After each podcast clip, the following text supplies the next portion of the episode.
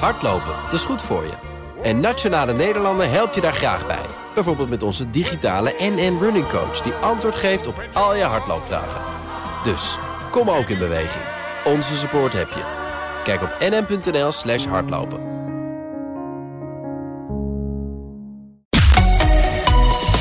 BNR Nieuwsradio. De AEX-factor. Jelle Maasbach. Welkom, je luistert naar de AEX-factor met erin alles dat je moet weten voor je gaat beleggen. Mijn gasten praten je elke week bij over de beurzen, beleggen en vermogen opbouwen. En die gasten, dat zijn deze week Wim Zwanenburg van Stroeven en Lemberger Vermogensbeheer en Han Dieperink, CCO bij Aureus. Heren, beide welkom.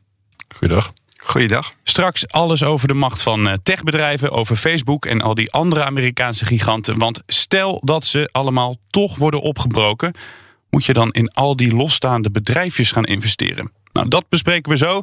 Eerst een overzicht van de beursweek. Tesla's new factory near Berlin is getting ready to ramp up production. It could soon be making up to 10,000 electric vehicles per week, and that could spell trouble for workers at Volkswagen. Germany's Handelsblatt newspaper says VW could shed 30,000 jobs as a result. We have uh, jobless claims falling to 293, 293,000. That's a good number. We have not seen a jobless claims number, a weekly number, with a two handle on it since before the pandemic. So this is obviously the lowest number since the pandemic. Hallo allemaal, dag Kobloers. Vandaag hebben we besloten om de beursgang tot nader order uit te stellen. De huidige onzekerheid op de financiële markten schrikt potentiële investeerders af. Met name als het gaat om nieuwe beursgangen in de e-commerce. De huidige onzekerheid op de financiële markten schrikt potentiële investeerders af. Zijn niet mijn woorden, maar je hoorde Pieter Zwart, topman van Coolblue. De webwinkel wordt geen beursgenoteerd bedrijf. Wim, om met jou te beginnen. Hoe luister jij naar die boodschap van Pieter Zwart? Nou, hier uh, wordt duidelijk verwezen naar het marktsentiment. En dat is inderdaad wisselend geweest de laatste weken. Maar ik vraag me toch echt wel af of dit uh, de enige reden is. En dat vermoed ik uh, duidelijk van niet. Er zijn nog veel meer redenen aan te wijzen. Er zijn ook berichten doorgekomen dat de winstgevendheid van Coolblue op, op de tocht staat. Er zijn natuurlijk toch ook problemen met onderdelen wereldwijd. Dus ook leveringsproblemen voor producten die online besteld worden bij Coolblue. En ja, dat zijn allemaal berichten, zeg maar, vlak voor een beursintroductie, die beleggers ook niet al te optimistisch stemmen. En er waren ook wat winstwaarschuwingen van andere Britse webwinkels, met name. En dat hakte er ook wel stevig in. Maar Han, die onzekerheid op de financiële markt uh, waar hij het over heeft, uh, zie jij die ook? Nou, we staan een paar procent onder de top. Dus het valt nog wel mee als je kijkt naar de stand van de onzekerheid. Maar ik heb even gekeken. Ik kan inderdaad uh, tien punten vinden waar je dus onzekerheid kan zeggen. Dus we hebben bijvoorbeeld de Delta-variant van het virus en Evergrande. Dat zijn onzekerheden, dat zijn er twee.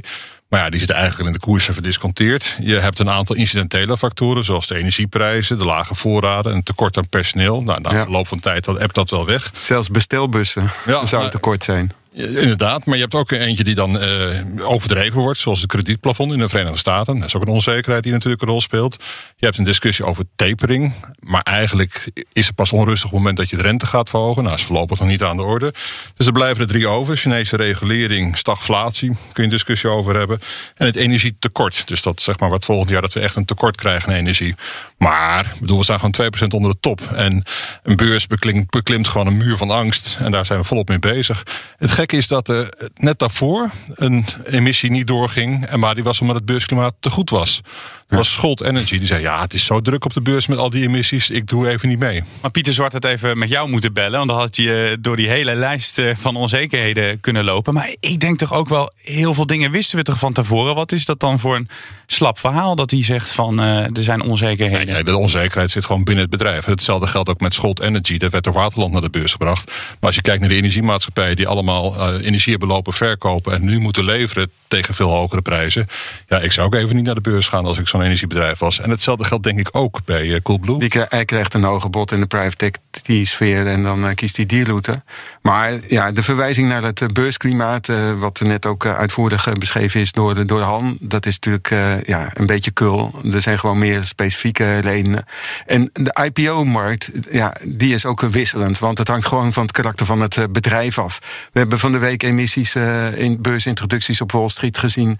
Waar de koers de eerste dag al ook met 20, 30 procent steeg en de emissie ruim overtekend was. Uh, enig idee van hoeveel emissies en beursintroducties er wereldwijd zijn geweest de afgelopen 12 maanden?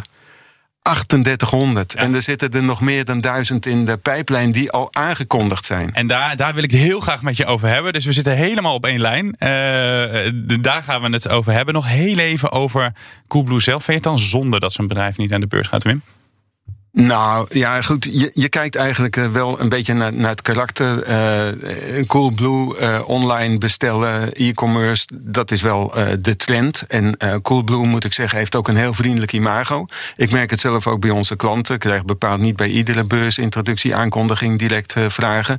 Maar op de dag dat Coolblue dat aankondigde, was nog maar enkele weken terug kreeg je inderdaad uh, gewoon diverse e-mails van, uh, van klanten en collega's. Van uh, weet je meer, wat is er al bekend, wanneer gaat het gebeuren enzovoort. Toch wel interesse. Dus inderdaad wel interesse, maar ja, er, er, moet gewoon nog duidelijk meer gezegd worden. En ze hebben nu wel tegenwindfactoren. Ik moet wel zeggen, eerder dit jaar waren er ook al geruchten. De, de, hele beursgang verdient geen schoonheidsprijs. De communicatie van, van, van, van, Pieter de Zwart, ja, Pieter Zwart, ja, denk ik, laat toch, hij moet zich wat dat betreft wat beter laten adviseren. Ja, Hans, ze zijn er twee keer niet gegaan. De eerste keer, uh, Wim zegt het terecht, ze verdienen niet de schoonheidsprijs. Lieten ze de beurs gaan lopen vanwege de zwangerschap van de CFO. Echt waar, nu deze reden. Komen beleggers dan terug voor een derde poging? Zou jij eh, als Pieter Zwart eh, voor een derde keer uh, komt van uh, nu gaan we wel het bedrijf naar de beurs brengen? Nou, ik kijk natuurlijk gewoon naar het bedrijf uiteindelijk. Dus je kijkt gewoon wat dat. vergeet dan dat. Uh, ik, ja, ik denk niet dat dat per se een rol moet spelen. Maar er zijn nu duidelijk issues binnen het bedrijf. En die moet je eerst oplossen. En je moet natuurlijk ook bij de beursgang alles melden. Dat staat allemaal in het prospectus. Dus alles wat in het prospectus moet ook al waar zijn. Dus als er wat mis is, moet je het ook melden. Dus ja, het, het moet wel helemaal schoon zijn. Het moet wel helemaal verkoop klaar zijn. Het, alle dingen moeten natuurlijk optimaal eh, staan. En als het niet optimaal is, ja. dan krijg je een lagere prijs. Ja. En je wilt natuurlijk ook niet, we hebben een aantal emissies gehad inderdaad die ook gewoon tegenvielen. Dus waar de koersen van zakken, ja, dat, is, dat raakt meteen ook het imago, de reputatie van het bedrijf. Dat wil je dan ook. Het hm. moet ook wel een succes zijn. Dus alle, alles moet precies goed zijn en dan durven ze nou het aan, zeg maar. Uh. Of, of ze terugkomen. Ik denk dat de problemen op de arbeidsmarkt met het aannemen ook van mensen voor de distributiecentra en voor de levering. En dat is juist een specifieke punt van Coolblue. Dat ze service leveren tot achter de voordeur bij het afleveren van de hm. online bestelling. Ja, dat, uh, dat is trouwens ook een, een kostbare dienstverlening. Wat steeds maar wel eentje die uh, sympathiek oogt. Dus uh, ik heb wel enige sympathie voor het bedrijf. Maar of het een doorslaand succes wordt, dat waag ik nog te hm. betwijfelen. Ja, over succes gesproken. Jij uh, had het net succesvol al over de beursgangen waar ik het over wilde hebben. 3800 als ik het goed ja, heb Ja, wereldwijd is dat dan hè, de, de afgelopen 12 maanden. 14. Wat het leek me ook wel leuk te hebben om uh, over, die, over uh, ja, het klimaat voor beursgangen. Pieter Zwart durft nu niet aan. Maar hoe is het eigenlijk gesteld op dit moment met het klimaat voor beursgangen? Nou, er zijn ook allerlei indices die dat registreren. Bijvoorbeeld van, van FTSE, Renaissance enzovoort. En year to date staan die gewoon in de min. Echt afgelopen maanden voor fors, uh, fors ingeleverd. Er zijn ook ETF's uh, uh, in, in de markt, zelfs met een usage karakter. Ja. Van, jij noemde het, Han, First Trust bijvoorbeeld. Ja, IPO-index, dus die kun je daar volgen. Ja, dus de IPO's. en dat soort ETF's kan je dus zelfs kopen, waarbij je volgens bepaalde formules gespreid redelijk in die IPO's belegt. Punt is ook voor, voor beursgangen, kijk, Coolblue, dat zal wel lukken. Maar om aan die Amerikaanse IPO's die hot zijn mee te doen. Dat is vaak uh, veel minder makkelijk. Want dat wordt in Amerika uh, aan de geprivilegeerde instituten of private bankklanten uh, toebedeeld. En je kan dus eigenlijk pas instappen nadat de eerste noteringen of de eerste dagen handel is, zijn geweest. En ja, soms is die koers dan al behoorlijk opgeschoten. Maar er zijn heel veel beursnoteringen bijgekomen de afgelopen twaalf maanden. waar uh, zeg maar de koers nu van onder de koers van uitgifte staat. Ik heb er toch nog wel eentje uh, op, kunnen, op kunnen zoeken die, die toch wel een doorslaand succes was, die ik onderschat heb. En was Airbnb. Is echt uh, doorslaand succes geworden. Maar vorig jaar eerst natuurlijk uitgesteld hè, vanwege ja. corona. En toen de economie wereldwijd weer open ging en het reisverkeer aantrok. En ook Booking.com zag bijvoorbeeld ook de binnenlandse boekingen weer, weer toenemen. Ja, toen is ook Airbnb. Uh, nou, op het andere heb je ook al een paar succesjes. Je hebt dat uh, wat begin dit jaar naar de beurs gekomen. Ja. Zat 28% in de plus. En je hebt dat CTP, die logistieke vastgoed. Dat is ook plus 29%. Dus ja, dat nou, Zo'n Allfunds, dat vind ik eerlijk gezegd een beetje in de schemerzone. Want daar vind ik ni- eh, niet zozeer de, de, de- meer in de sfeer van beleggingsfondsen en financials. Want een van de grote is ook een zogenaamd Innovation and Technology Fund van, van BlackRock. Wat naar de markt is gegaan. En dat telt als een van de grootste. Maar Ja, ja. die tel ik eerlijk gezegd zelf niet, niet mee. Want die beleggen zelf weer in andere eh, ja, beursvehicles. Hey Han, ik grapte net al, je had een heel lijstje met eh, punten. Die we zo eh, naar Pieter Zwart eh, aan het einde van deze aflevering gaan die als sturen. Als excuus gebruiken. Dus, eh. Ja, als we even kijken naar het, eh, eh, de aanstaande beursgangen. Beursgangen die er misschien nog aan zitten te komen. Ja, je hebt er nog twee in Amsterdam. Eh, voor 27 oktober staat Onward. Dat is een medisch eh, bedrijf, niet zo'n heel groot bedrijf. Dus eh, nou, dat gaat nog gewoon door. Je hebt nog iBusco. Ibusco. Ja. Dat is een elektrische bussen, dus dat is de toekomst. En eh, zeker als het duurzaam en elektrisch is, dan kan het best wel hot zijn. Dus, eh, Is dat iets waar je naar uitkijkt ook? nou, nee, ik heb niet zo dat ik meestal in- in beursgangen investeer. Dat is toch wel een hele specialisme. Ik kijk liever naar wat grotere bedrijven die. Eh, dus nee, het is niet zo dat ik daar naar uitkijk. Maar ik is op zich wel positief voor het Damrak dat er weer wat bed- bedrijven bij komen. Er zijn toch weer 14 bij. En het was tijdenlang, uh, tijdenlang dat het wat verarmd werd. Zeg maar, dat Amsterdam niet zo interessant was. Maar bijvoorbeeld ook groot gezien, als Universal. Dat is van deels natuurlijk bepaald doordat Nederland zo'n mooi vestigingsklimaat is, fiscaal gezien natuurlijk. Dus ik begrijp het ook wel. Maar goed, ze zijn er wel. En, je, hebt, eh, eh, je hebt eerder dit jaar natuurlijk ook het zogeheten SPEC-fenomeen. hè? Dus eh, zeg maar de versnelde beursintroductie via eerst overname van een eh, min of meer lege beurs BV, die dan een zak geld toebedeeld krijgt van allerlei investeerders. En dan moeten ze zeg maar op jacht naar een, eh, een, prooi om daarin te gaan beleggen. En zodoende kan een snellere beursintroductie ook buiten allerlei regelgeving om plaatsvinden. Ja. Maar je ziet het ook die specs, wat eh, echt eh, vorig jaar helemaal een eh, rage was. En vanuit New York via Londen ook naar de Amsterdamse beurs kwam, dat daar de, zeg maar de koersniveaus ook van terug zijn gevallen. En waarom zou je ook per se in een nieuwe onderneming willen beleggen, als er ook heel goede, succesvolle ondernemingen al reeds op de beurs genoteerd zijn met een uitstekende track record en met steeds betere resultaten, de groeiers. Slecht bruggetje, maar een bedrijf dat al heel lang beursgenoteerd is, maar misschien niet zo'n eh, geliefd bedrijf. TomTom. Het bedrijf heeft het eh, lastig. Dat was te zien in de kwartaalcijfers deze week. Wim, ik hoorde je van de week al bij eh, Bas van Werf in de ochtendspits. De resultaten waren niet best, zei je, even vrij vertaald. Ja. Waarom? Nou ja, eh, het is. eh, eh, TomTom eh, was bekend vanwege de kastjes in de auto. De toekomst van mobiliteit is wel aan navigatie gekoppeld. Maar daar heeft zeg maar. Eh, eh, TomTom op te boksen tegen de grootmachten. Met name natuurlijk eh, Google Maps enzovoort. En ze hebben afgelopen jaren wel getracht, zeg maar, geïntegreerde apparatuur in de auto's eh, te, te laten installeren. En contracten met autoproducenten af te sluiten. Maar dat is eigenlijk een slag die ze toch grotendeels verloren hebben. Als ze nu als succes moeten melden dat ze een, een Ducato camper nieuwe navigatieapparatuur hebben weten te installeren. Ja, als, als een van de grote successen, dan, dan heb je het toch laten liggen. Maar navigatie en, en mobiele apparatuur. Eh, kijk naar bijvoorbeeld Garmin, wat, eh, wat eigenlijk in feite van basically dezelfde technologie, GPS-software en maps enzovoort gebruik maakt.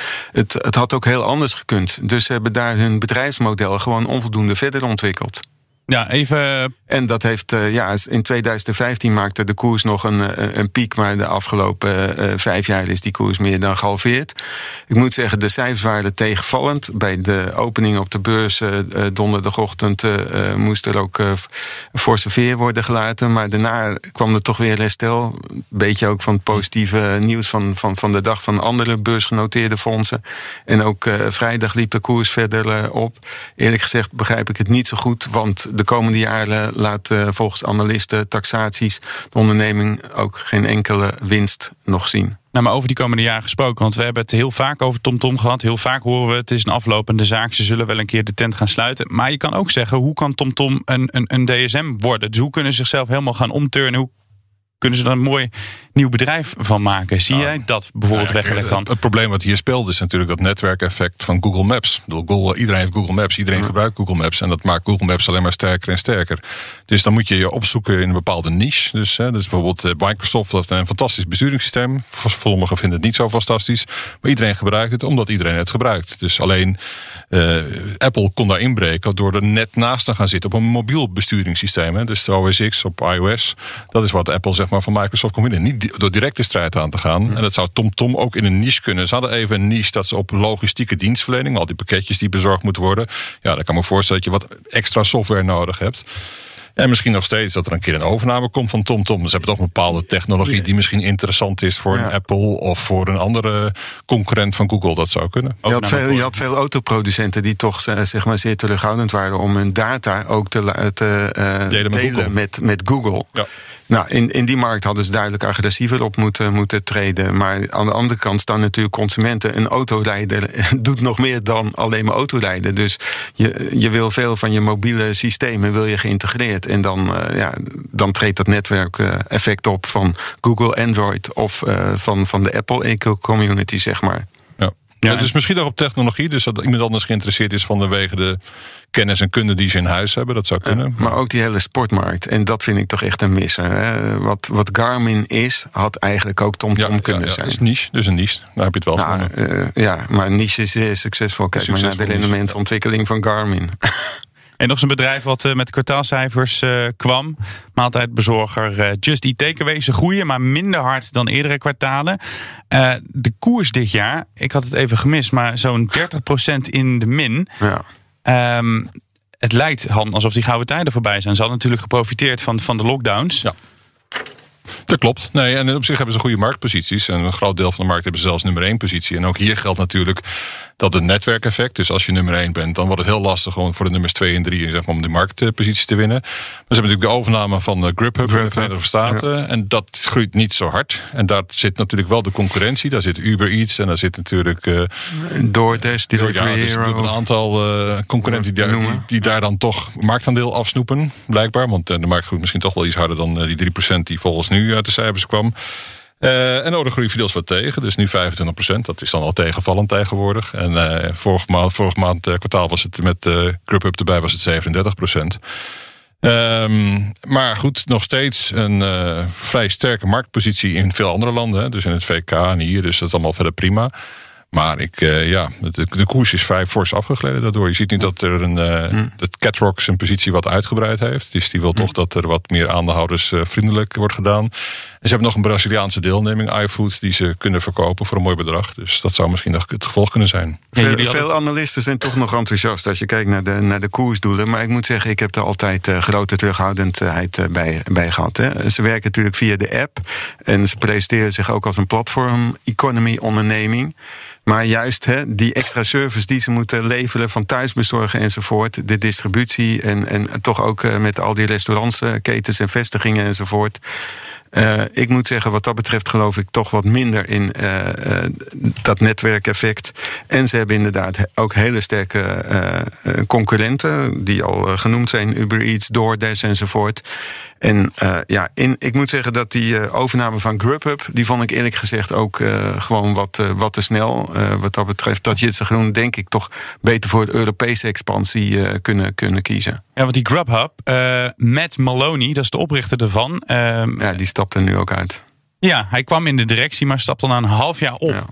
Ja. dus je doet een miljardenovername. Dan wil je natuurlijk dat iemand wat langer aan boord blijft. En die gaat in december al het bedrijf verlaten. Wat zegt dat dan, Han? Als zo'n topper al. Uh... Nou ja, dat schept natuurlijk geen vertrouwen op het moment dat iemand uh, even vroeg al wegloopt. Uh, ja, binnenkort hebben we een beleggingsdag, dus volgende week geloof ik, 21 oktober. 21 oktober ja, is dus Capital dan, Markets Day. Dan mogen ze met de billen bloot. Dan mogen ze vertellen wat, uh, hoe ze hun strategie gaan uitrollen in de toekomst. Dus in principe zie ik wel, ja, dit is een markt die wel groeit. Maar het is wel een vechtmarkt. En je hebt een aantal grote partijen die gewoon maar, uh, bedoel ik, Amazon of Uber. Dat zijn allemaal dingen die daar net zo goed op kunnen bewegen. Dan, dus. dan noem je de, de, de brede, hè? maar eigenlijk moet je ook de pizzaketens er nog uh, bij, bij rekenen. En ook uh, als je zag, bijvoorbeeld afgelopen week kwamen ook de cijfers van, uh, van Domino's uh, uit. En die vielen eigenlijk ook fors, fors tegen. En ik hoor zelfs van collega's die een zoon aan het werk hebben op fiets hier in Amsterdam, waar pizza's voor 2 euro worden afgeleverd. Dus geeft even aan hoe hard die concurrentie is. gewoon. En het is natuurlijk ook een bedrijf met gewoon heel veel personeel. Dus ja, nou, bedoel, als er een tekort aan personeel is, bedoel, ja, misschien moet je wel een beetje oppassen met bedrijven met heel veel personeel in dienst op dit moment. En, dus uh, ondanks een platform, company, app enzovoort, ik geloof niet dat het een exponentieel business model is. En dat is mijn wezenlijke keuze waarom ik niet enthousiast ben over Just Eat Takeaway. Iets heel anders. De Amerikaanse senator Elizabeth Warren die zei het al heel vaak. En deze week herhaalde ze haar boodschap. Maar weer, dit keer in een talkshow. Facebook moet opgebroken worden.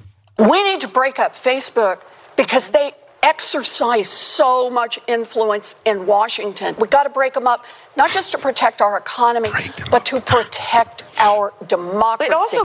Ja, we moeten ook een beetje om lachen, omdat ze het wel vaak heeft gezegd, Han. Maar zit Zuckerberg nu zenuwachtig naar dit verhaal te luisteren, denk je? Ach, ik denk dat hij het al zo vaak gehoord is dat hij daar niet meer zenuwachtig van wordt. Uh, ja, Zuckerberg heeft het een beetje, te, moet het een beetje ligt onder vuur. Het is natuurlijk, geloof ik, na Trump de meest gehate man in de Verenigde Staten. Dus het is ook makkelijk natuurlijk om hem afgeven.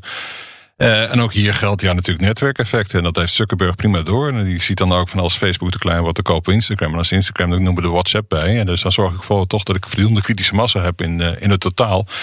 En dan moet het allemaal wel opgesplitst worden. Maar ook hier dat netwerkeffect zorgt dus dat het platform dat het grootst is, ja, dat wint alleen maar marktaandeel. Uh, en dan kun je het wel opsplitsen. Dat hebben we in het verleden vaker gezien. We hebben het ook met uh, AT&T gezien. Dat op een gegeven moment uh, de allerlei babybels ontstonden ja. onder Mabel. En de dat kan Standard goed zijn Oil. voor de koers. Uh, we hadden het Heel standaard, ver terug. Standard Oil dat had 99% marktaandeel in de VS. Dan zegt nou dat kan moet niet kunnen. Dat gaan we opsplitsen. In totaal, ik geloof zeven verschillende oliebedrijven. En uh, eigenlijk is die opsplitsing heeft ervoor gezorgd dat John D. Rockefeller erg rijk is geworden. Want het zorgde voor een, het unlocken ja. van value. En dat kun je hetzelfde bij Facebook ook zien natuurlijk. Op het moment dat uh, allerlei losse onderdelen misschien verkocht worden, dan kan het misschien uh, de sum of the parts meer zijn dan, uh, dan wat het nu is. Ja, want die schandalen, hè, die stapelen zich op. Je zei het al, hij is op Trump uh, na de meest gehate man van uh, de VS. Je ja. hebt die politieke druk van Warren en consorten, uh, consorten. Misschien nu ook publieke opinie, dat klanten zeggen van... er moet wat gaan veranderen. Gaat er nu ook echt een keer wat veranderen op het hoofdkantoor van Facebook? Ja, het gaat anders dan in China. In China beslissen gewoon, we gaan reguleren. Mm. En dag, dag twee gaan ze daadwerkelijk ook handhaven. En dan moet je het ook doen ook. Ja, en hier heb je allerlei hear, hearings voor de Senaat. En dan heb je allerlei wetgeving in voorbereiding. En dan heb je de rechter die er nog tussen gaan komen. En dat duurt een jaar of twee voordat Kijk, het gereguleerd De reputatie is al jaren slecht van Facebook. Hè, zeker sinds het Cambridge Analytica-schandaal. Maar eigenlijk zag je ook de, de vorige ronde van hearings in het uh, congres uh, vorig jaar zomer. Het eigenlijk geen echte impact uh, gehad. Tegelijkertijd met die storingen, zeg maar, de afgelopen anderhalve weken geleden. zag je ook nou, hoeveel miljarden gebruikers er eigenlijk zijn van de verschillende apps van, van Facebook. En dat dat zo ongeveer parallel loopt. soms ook een synoniem, een, merknaam van het internet is geworden in sommige landen. De advertentieinkomsten, ja, die, uh, die, die groeien nog fors. En uh, online adverteerders blijven gewoon voor die platforms kiezen. Als het wordt opgebroken, ik denk dat er ook uh, nu al diversificatie is van, van business models die nieuw ontwikkeld worden. Er zou inderdaad, zeg maar, ja, de som van de delen zelfs ook inderdaad meer kunnen opleveren dan de huidige. Hoewel ze aan de achterkant uh, Zuckerberg zei altijd van ik doe het niet. Er is wel gebleken dat hij het wel doet. Uh, er is een zekere integratie tussen Instagram en Facebook. Ja. En mogelijk zelfs WhatsApp. WhatsApp is eigenlijk nog uh, vrijwel zonder reclame. dat kan ook nog gemonetiseerd worden. Dus ja. geld meegemaakt worden. De AEX-factor. Jelle Maasbach. Bij mij nog altijd Wim Zwanenburg van Stroeven Lemberger Vermogensbeheer en Han Dieperink, CCO bij Aureus. En we hebben het nog steeds over tech-aandelen. Over het opbreken van techbedrijven om precies te zijn. Want wat zijn alle losse onderdelen waard en moet je ze allemaal hebben in je portefeuille? Een discussie trouwens die al jaren speelt, maar twee jaar geleden op de kaart werd gezet door Chris Hughes, medeoprichter van Facebook. Met een boodschap voor Mark Zuckerberg. Mark owns the majority of the shares. Unlike the leader of a democracy, there are no checks and balances on Facebook. Mark has no boss, and he cannot be fired. We need new regulations. It's time to break up Facebook. Je had het net over die uh, opsplitsing van al die oliebedrijven, Han. Ja. Uh, dat zegt uh, Hughes later ook in dit interview. Los zijn de onderdelen veel meer waard. Om met die bewering te beginnen. Klopt dat ook voor Facebook? Stel, we breken de boel helemaal op. Uh, nou, dat ligt eraan hoe ver de boel inmiddels geïntegreerd is en of het op te breken valt in verschillende delen. Dus uh, het zijn natuurlijk op zich losse applicaties. Maar ja, ik bedoel, de, de kracht zit natuurlijk wel deels in de wisselwerking. Dus dat ze elkaar versterken. Uh, dus ik, ja, ik weet niet of dat nog is. Ik heb het niet bestudeerd of de sum of the parts in het geval van Facebook uh, meer waard is. En wat het lastig natuurlijk is, je hebt in het verleden bijvoorbeeld Microsoft gehad. Hè? Die had dan de browser, die verkocht de browser dan mee zeg maar, in het pakket. En toen zei ja, maar dat mag niet, die moet je los verkopen. En op het moment dat die browser inderdaad los verkocht was, ja, was het helemaal geen issue meer. Dus op het moment dat dit dan geïmplementeerd gaat worden, bijvoorbeeld of dat het opgesplitst gaat worden, kan het zo zijn dat er weer andere nieuwe technologie is of dat er iets anders is uh, verzonnen. Dus je wordt eigenlijk ingehaald in de, door de tijd. Dus de regelgeving gaat dan wel zijn gang en die doet dan wel wat. Maar ja, op tegen de tijd dat het uh, gebeurt is, de technologie heeft alweer links en rechts uh, andere oplossingen gevonden. Dus ik weet niet of dat nou heel veel impact heeft op, uh, op Facebook. Je kan natuurlijk ook allemaal regionale Facebooks doen. Hè? Ik bedoel, kijk, wat je toch ziet, is dat je ziet dat Facebook niet actief is in China. Dus als er Chinese strijd is tegen deze techgiganten, zijn ze daarvoor redelijk immuun. Want ze zijn niet actief in China. Afgezien misschien van Apple, die natuurlijk nog wel wat exposure heeft in China. Eh, maar, maar, bijvoorbeeld Google of Facebook, dat, dat mag niet in China. Dus ja, dat heeft ook geen last van als China een boycott uh, legt. Dus daarvoor zijn ze relatief immuun. Maar ik kan me voorstellen dat je dan een, uh, een Facebook VS krijgt en een Facebook Europa of zoiets. Dat je dat soort uh, fenomenen krijgt. Dat, dat... Wat ze op een gegeven moment ook met TikTok wilden doen. Dus TikTok hè, moest los van ja. juk van het Chinese regime. En dan zouden we het in, in, in regio's gaan opsplitsen. Nou ja, dat, zie je toch wel een beetje. De regionalisering van het internet. We hebben hier natuurlijk ook de AVG-wetgeving. Dus dat we maar niet zo alle data in de VS willen hebben. Dus ik kan me voorstellen dat als Europa zegt: ik wil niet dat alle data van Europese burgers bij Facebook in de VS zit, dat ze dan de oplossing is, dan moet er maar een Europese Facebook komen. Dus die regionalisering die zie je wel. En natuurlijk onder leiding van China. Maar China zegt, uh, bepaalt zelf wel welke data naar buiten komt en erin gaat. Ja. Dus. Maar of het effectief is, Ham, nee, hè, nee, dat betwijfel dus... ik wel zeer. Want kijk, het gaat, het gaat natuurlijk uh, om meerdere aspecten. Het gaat om marktmacht, monopolistische praktijken waar misbruik van gemaakt. Dus uh, het niet toestaan of het uit de markt drukken van de concurrentie in de weg staan van innovatie. En dat is natuurlijk, uh, innovatie is een maatschappelijk goed. Hè? Dat ja. brengt ons met z'n allen verder. We hebben innovatie nodig om uh, door de energie, de transitie, klimaattransitie, al die zaken doorheen uh, te komen. Dus innovatie moeten, we als, moeten de overheden bevorderen, ook op, op technologiegebied. En de andere kwestie is de, is de, is de privacy. Maar ja, je noemt de AVG, dat vind ik zelf een desastreuze wet. Blokkeert allerlei activiteiten, dienstverleningen enzovoort. Terwijl aan de andere kant staan gebruikers.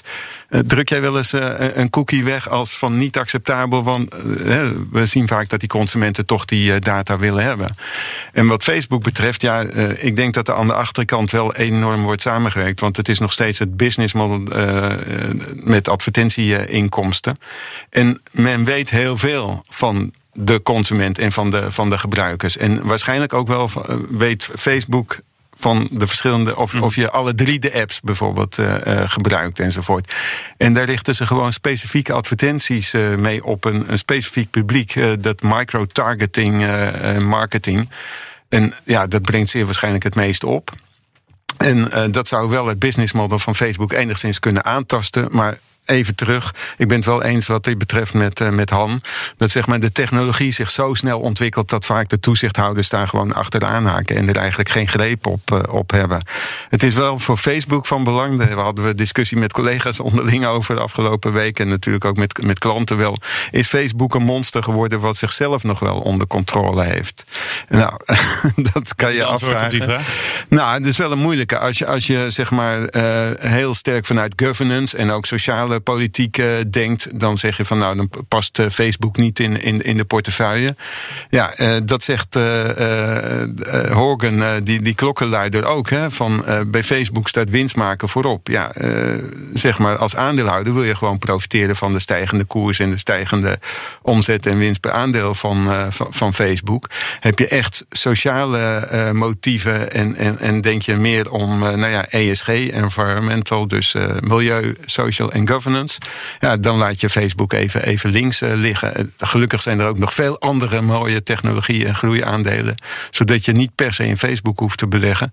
Maar wij zitten er voor veel klanten toch nog wel in. Ik heb het zelf ook in, in, in portefeuille. Ik, ja, eerlijk gezegd, denk ik wel dat het goed is dat zeg maar, Facebook nader gereguleerd wordt. Dat creëert voor op sommige vlakken ook een eagle level playing field. Voor, ook voor, voor de concurrentie enzovoort. En ik vind ook, zou het ook goed vinden als Zuckerberg toch wat meer tegenspraak uh, gaat, uh, gaat dulden. Uh, nou ja, of, of Nick Lek de juiste persoon is, de voormalige vicepremier. die zit in een soort oversight board. Dat is, dat is de grote vraag. die oversight board die gaat trouwens praten met de klokkenluidster. En ik moet zeggen, dat is, heeft weinig aandacht gekregen in de media. Afgelopen week heeft Facebook ook een policy aanpak uh, veranderd. Uh, scheldpartijen enzovoort. Uh, het beledigen van politieke figuren, van artiesten en, en dergelijke. Dat, dat kan je, als je die reacties je geeft op Facebook, dan word je geblokt. Hm. Stel, we gaan even filosoferen. jij zei, Han, achter de schermen zijn die systemen zo met elkaar vervlochten. Dus je kan bijvoorbeeld een Instagram misschien niet uittrekken, of een WhatsApp of Facebook uit Facebook zelf. Stel dat het wel kan. Dus we gaan ervan uit dat kan. Hè, onder die druk uh, moet het allemaal gebeuren. Dan heb je mogelijk een aandeel Facebook, een aandeel Instagram. Klinkt heel leuk. Ja. Wil je die als belegger ook hebben? Dat kan best, dus dat er op zich een businessmodel achter zit hoor. Dat uh, hangt allemaal af van de prijs natuurlijk die het dan is. Dus het is niet zo dat je dat uh, per se negatief hoeft te zijn. Maar ook hier geldt weer dat al die bedrijven toch weer zullen pogen om nummer 1 te worden. Want nummer 1 betekent dat je dat netwerkeffect weer hebt. En ze ben je weer bij, bij terug bij af. Dus ja. ik weet niet of het met opsplitsing echt uh, geholpen is. Dus je kunt dus beter met, uh, met regels. En bijvoorbeeld in China zijn ook allerlei regels toegepast. En iedereen doet er heel druk over. Van dat is allemaal de communistische partij die allerlei macht probeert te, uh, naar zich toe te trekken. Maar wat ze bijvoorbeeld recent hebben gedaan is de negatieve reviews. Die werden dan wel eens verwijderd mm. door dan de, de, de, partij. Maar dat ja. mag dan niet meer. Dat is nu strafbaar in China. En je mag ook niet een valse review schrijven. Dus dat mag ook niet meer in China. Dus dat is verboden. Ja, dat is en dat is, dat, dat is dan een beetje raar. dat soort regelgeving ook wel. Hè? Het schrijven van valse reviews. het inkopen van, uh, van reviews uh, door de onderneming enzovoort. Dat ja. zal een praktijk uh, worden die in meerdere landen verboden zal worden. Maar het feit dat je dat reguleert, dus je zegt, nou ik zorg dat, dat reviews gewoon kloppen die er staan, mm -hmm. dat is eigenlijk alleen maar goed voor deze techbedrijven. Want op het moment dat jij weet dat die reviews kloppen, dan maak je er Dan gaan de, betrouwbaarheid. En, dus dan gaat de betrouwbaarheid omhoog. Dus ja, en dan dat daarvoor de koersen zouden moeten zakken, wat dan in China gebeurt, ik begrijp dat niet. Ik snap niet waarom dat, als je dat, ik vind dat soort regulering goed. En natuurlijk wil iedereen graag dat uh, natuurlijk zo'n techbedrijf alle macht heeft van de wereld. En dat die natuurlijk hm. als aandeelhouder gezien, dus dat je daar heel veel geld mee kan verdienen. Ja, maar dat zei, is geen houdbaar businessmodel. Nee. Uiteindelijke zie je dan toch dat het te veel maatschappelijke uh, gedoe is, zeg maar, erover zo'n ja. zo'n situatie. Dus Misschien heb ik te veel sprookjes gezien. Wat mij leek het dan ook wel mooi. we hebben het altijd over dat je een brede portefeuille moet hebben. Dan dacht ik, nou, dan heb je een aandeeltje Facebook, je hebt een aandeeltje Instagram, je hebt een aandeel. Dat klinkt, het klinkt in de praktijk als ik jou zou beluisteren, of jullie zou beluisteren, gaat het hem denk ik niet worden. Maar nee, omdat het misschien wel uh, leuk zijn als Ja, want de neiging toch is om zeg maar te concentreren op één partij. Dus die partij ja. die zeg maar de grootste marktmacht heeft, die heeft het beste netwerkeffect. Dus die kan ook uh, het meest efficiënt zeg maar dat uitnutten. Ja, maar dus technologie dat is, dat... is, zo breed dat zeg maar als die ondernemingen zich op verschillende niches richten. We zien de afgelopen jaren Klopt. ook een aantal groeicompanies die, die we eigenlijk vijf, zes jaar geleden niet kenden. Wie, wie, wie kende vijf jaar geleden, zes jaar geleden geleden TikTok. Ik, ik, ik, noem maar even een, mm -hmm. een, een, bekend voorbeeld. Maar ze zijn natuurlijk uh, talloze. En uh, ja, er zit gewoon nog een enorme groei. Ook uh, nieuwe business models. Dus wellicht unlocking value is het zelfs goed. Maar ik denk vooralsnog dat Facebook wel profiteert van het netwerkeffect. Maar ze zullen moeten groeien ook met nieuwe activiteiten. En reels van Instagram en shopping op Facebook zelf. Waarmee ze trouwens ook de concurrentie ook nog meer aangaan met bijvoorbeeld Amazon. En als je het trouwens over uh, break-up hebt en ja. uh, valse concurrentie, Amazon, uh, ja. dan zou ik me druk maken over, over Amazon. Want Amazon verdient ook veel geld met Amazon Web Services. En dat leveren ze onder andere ook aan de, eigenlijk een van de grootste concurrenten, Walmart. En Walmart Management heeft in het verleden gezegd: ja, daar hebben we eigenlijk het paard van Troje mee binnengehaald. Want daardoor krijgt uh, Amazon eigenlijk indirect uh, zicht op al onze logistieke stromen. En welke producten en artikelen goed verkopen. En dat is ook voor het derde platform wat Amazon uh, heeft. Hè. Behalve dat ze zelf de retailer zijn, bieden ze ook diensten aan aan derde naast Amazon Web Services. En die derde verkoop, daar werd echt over geklaagd in die hearings ook, vorig jaar in juli al. En ik moet zeggen dat een aantal klachten daar toch wel heel serieus waren. Maar ja, dan zie je al, daar heb ik eigenlijk weinig respons op uh, gehoord van, van de wetgevers in het Amerikaanse congres. Die helaas ook veel meer met zichzelf bezig zijn en in onderlinge partijrivaliteit dan met effectieve wetgeving. Want daar denk ik dat een ingreep op zijn plaats was. Uh, ja, ja, je ziet inderdaad opbreken dus, Han? Nou ja, ja, wat die Battle of the Clouds, wat er een beetje ja. aan zit te komen, dat is er wel. Je hebt natuurlijk Microsoft met Azure en je hebt Amazon met AWS. Dus dat zijn de twee grote partijen. Nu probeert Google daarin te breken door een soort multicloud te hebben. Dus we zijn een soort zoekmachine in de cloud. En je moet niet op één cloud vertrouwen, je moet meerdere clouds hebben. Dat is heel slim, slim bedacht natuurlijk. Want dan in ieder geval, zij staan een, lopen een beetje achter bij die twee. Hebben een beetje de, de, de gang naar de cloud gemist. En dan zou Google daar zeg maar wel weer zijn rol in kunnen spelen. Maar ook hier weer om gewoon dat netwerkeffect uit te nutten. Ja. Dus um, ja, bedoel, uh, ik, ik, ik, weet nog dat ik in, in gesprek had met een klant in 2012 of zoiets. Er stond Amazon 120 keer de winst. En dat was dan heel erg duur. Ik zeg ja, maar al dat geld, al die cashflow die ze genereren, die investeren ze weer in nieuwe dingen. Ja, het is typisch. Ja, waar, gaat het dan, waar gaat het dan in? Ja, het gaat bijvoorbeeld in uh, dat, iets dat heet de cloud. Hè? Ja. Dus dat was, toen was het nog niet zo bekend in 2012. Ja, maar dat moet een, eh, een boek verkopen moet toch niet in de cloud gaan investeren? Nou, je moet zien hoe een succes het geworden is. Nee, Dus- dat, is typisch, Han, dat je dat noemt inderdaad, die, die cloud. Want eh, eh, die, zeg maar, die, het ma- marktmisbruik, dat ging eigenlijk niet zozeer over Amazon Web Services, maar meer over, over nog de, de retailing tak. Maar eh, het voorbeeld wat Han aangeeft is, eh, is precies het juiste. Van die technologiecompanies die gebruiken een deel van hun technologie om weer een alternatief, ander business model te eh, ontwikkelen. En ja, beperk je daarmee zeg maar de groei als je, als je ingrijpt? Dat betwijfel ik. En die grootmachten hebben inderdaad heel, veel, heel veel power, ook in productontwikkeling. En de move to the cloud is in technologieland inderdaad een. Eh, een, een bekend voorbeeld van een nieuwe ontwikkeling. waarbij ook voormalige grootmachten de, de markt totaal gemist hebben. absurd, ja. Eh, eh, bijvoorbeeld Oracle, wat wel eh, bezig is met een inhaalslag. maar die hebben eerst de cloud volledig laten liggen. IBM. Wie kent dat nog, hè? Eh, Als, als technologie grootmacht. Had je, heb je ook afgelopen tien jaar alleen maar aan geld aan verloren, eigenlijk. Eh, dus ook in technologieland moet je wel voortdurend eh, kijken wie wordt de marktleider, wie is de huidige marktleider, maar wat is het business model, zijn er alternatieve mogelijkheden en verder ontwikkelmogelijkheden. Maar als het zo multi-cloud wordt, dan is het risico dat de cloud zelf, dus de cloud-dienstverlening, gewoon een commodity is. Nou, daar gaan we niet veel voor betalen. Je moet betalen voor je toegevoegde waarde, die je toegevoegde waarde kan leveren in de cloud. Maar dan zie je dus weer een hele massa aan bedrijfjes ontstaan die toegevoegde waarde leveren in de cloud, die misschien de volgende Microsoft of de volgende Facebook Digitale zullen zijn. infrastructuur, dat is eigenlijk de achterliggende reden. En dat hebben we wel gemerkt tijdens de coronacrisis. Eh, het, het hele concept van, van computing, computing at home enzovoort, decentraal op alle punten. Via de, zeg maar, eh, link via de cloud. Ja, dat is eh, de komende jaren nog, eh, nog zoveel in ontwikkeling. De achterliggende, onderliggende kracht van digitalisering, die zet sterk door. En daar profiteren deze companies als Facebook, Microsoft, Amazon enzovoort. Maar ook, ook heel volledig veel nog van. kleine bedrijven. Want kleine bedrijven hoeven niet meer allemaal die eigen infrastructuur. Die halen alles uit de cloud. Dus alle diensten die je vroeger moest inkopen. Dure software, dure machines, dure mensen. Maar Dus alles as a service tegenwoordig. Dus die kun heel asset light kun je beginnen. En kun je al meteen concurreren met je grootste concurrenten.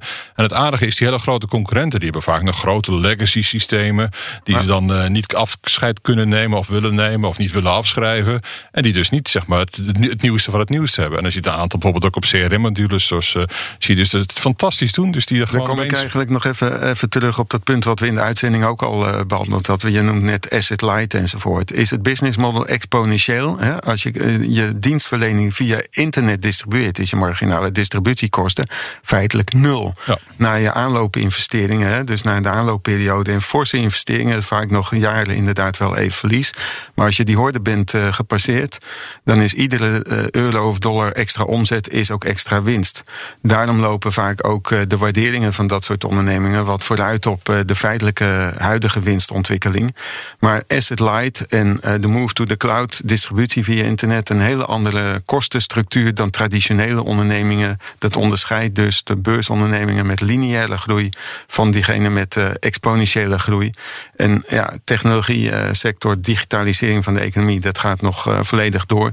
Dus los van Facebook, of Facebook wel of niet wordt opgeknipt, de sector en, en de brede macht eh, van de technologie sector is, is, is heel duidelijk. Ja, die is heel duidelijk. In dit licht is dat dus een achterhoedegevecht. Hè? Dus ik bedoel, de technologie die gaat sneller dan de wetgeving of de politiek najaagt. Die vechten eigenlijk zo Don Quixote tegen dan eh, molens die eh, een spook wat niet meer bestaat eigenlijk. Dus dat... Over die sector als geheel. Want eh, nou, ik denk dat Mark Zuckerberg heel blij hier naar luistert. Dat er ook andere bedrijven zijn die onder vuur eh, eh, liggen. Maar we zouden vergeten dat er meer zijn. Eh, hoe staat die sector er überhaupt voor? Ben je nog enthousiast over tech-aandelen? Nou, als ik naar de laatste cijfers zie, de afgelopen kwartalen, ja, dan dat lijken het wel start-ups. Dus het, als ik kijk naar de resultaten, nou, dus weer 30, 40 procent. En dat zijn toch de grootste bedrijven ter Dat wereld. klopt nog tegen, tegen de plint. Spectaculair. Ik bedoel, we hebben natuurlijk wat vaker geleken met de dotcom-hype. Dus de, de, de, van, maar in 2000 maakten al die bedrijven geen enkel geen cent winst. In 2000 stond de 10 jaar rente in de VS op 6 procent.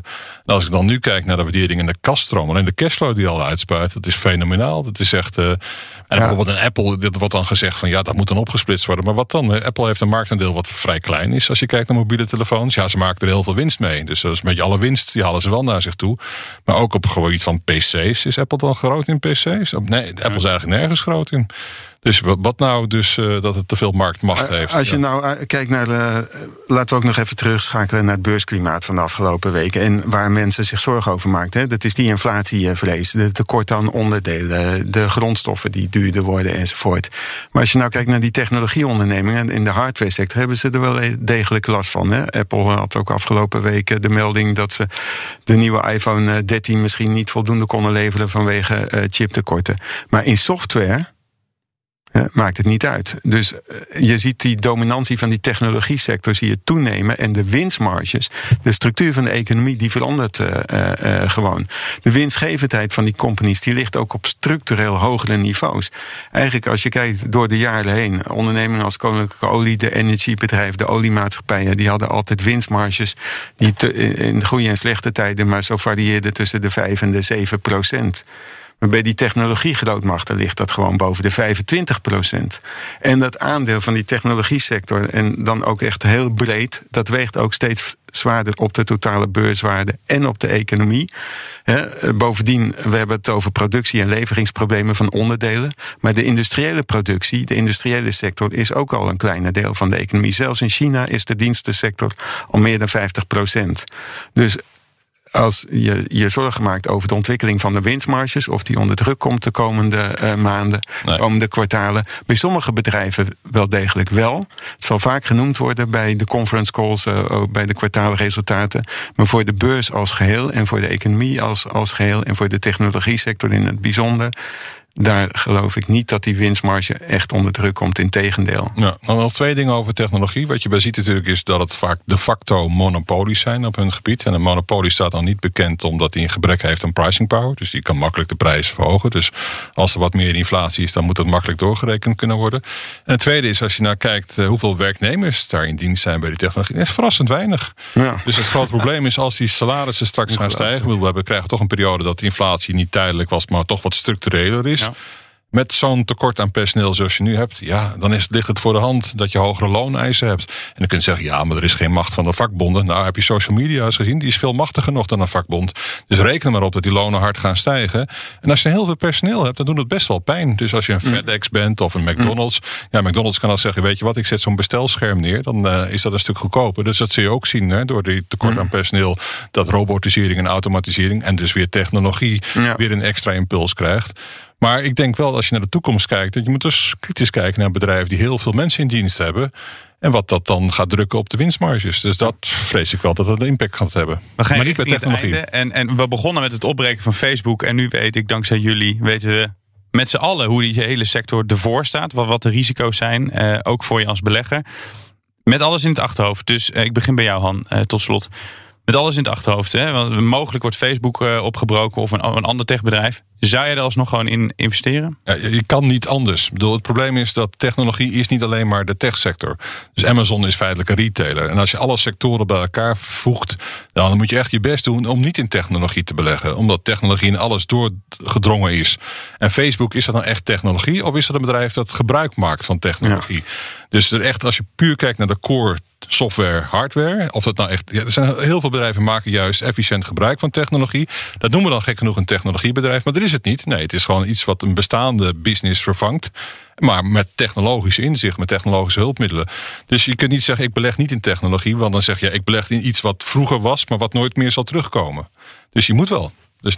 Ja, ja, je moet uh, wel heel, ja, ik ben het er helemaal mee eens. Uh, je moet wel opletten bij technologie, want technologie kan ook verouderen. Uh, we hadden in de uitzending toch nog even het voorbeeld van TomTom. Tom. niet die navigatietechnologie, die is juist hot.